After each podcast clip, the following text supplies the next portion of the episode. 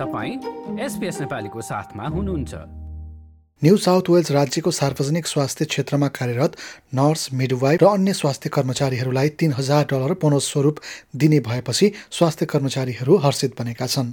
महामारीको समयमा खटिएका स्वास्थ्य कर्मीहरूलाई सरकारले प्रोत्साहन स्वरूप प्रदान गर्न लागेको बोनस रकमको घोषणापछि स्वास्थ्य कर्मीहरू केही उत्साहित बनेका हुन्। यो सँगै कोभिड उन्नाइस महामारी सुरु भएपछि सङ्घर्षशील बनेको सार्वजनिक स्वास्थ्य क्षेत्रलाई व्यवस्थित गर्न राज्य सरकारले साढे चार अर्ब रुपियाँ खर्च गर्ने निर्णय पनि गरेको छ। दस हजार मेडिकल स्टाफ भर्ती गर्न र स्वास्थ्य क्षेत्रलाई व्यवस्थित गर्न उक्त रकम खर्चिने सरकारको भनाइ छ।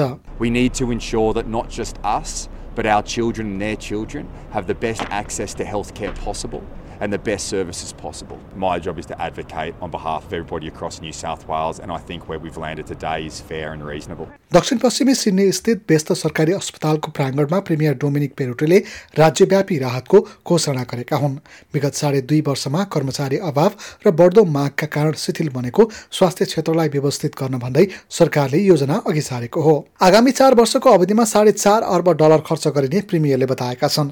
दस हजार पूर्णकालीन कामदार भर्ना गर्नका लागि तयारी थालिएको र आगामी वर्षसम्ममा छयत्तर सय मेडिकल कर्मचारीहरू भर्ना गरिने उक्त कार्यक्रममा बताइएको थियो। न्यू साउथ वेल्सको रिजनल क्षेत्रका लागि स्वास्थ्य मन्त्री Bronnie टेलरले doctor nurse physiotherapist speech pathologist जस्ता स्वास्थ्य कर्मचारीहरू आवश्यक रहेको बताइन्। It's nurses, it's doctors, it's physios, it's OTs, it's speechies, it's diversional therapists, it's all of the people that we need to keep our system going.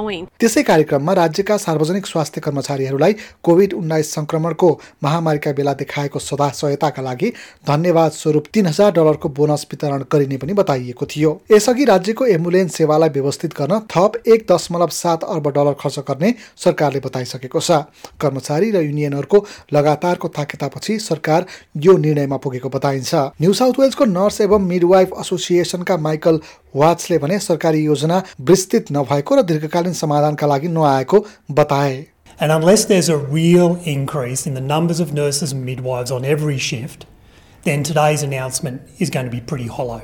If the announcement today doesn't address the shift by shift ratios that our members have been asking for, that's the thanks they're looking for, then we can be pretty certain that they'll be calling for further industrial action before this government's term is done. यो सँगै राज्यको सार्वजनिक क्षेत्रको ज्यालामा पनि वृद्धि गर्ने तयारी गरिएको छ। चालु आर्थिक वर्षमा दुई दशमलव पाँचदेखि तिन प्रतिशतसम्म पारिश्रमिक बढाउने तयारी भएको छ। यद्यपि कर्मचारीको उत्पादकत्वमा वृद्धि भए अर्को वर्ष साढे तिन प्रतिशत पुर्याउने सरकारी योजना छ। यद्यपि युनियनहरूले भने राज्य सरकारको तिन प्रतिशत तलब वृद्धि गर्ने निर्णय हालको मुद्रास्फीति दरको तुलनामा निकै कम रहेको बताइरहेका छन्। लाइक सेयर र कमेन्ट गर्नुहोस्। एसपिएस नेपालीलाई फेसबुकमा साथ दिनुहोस्।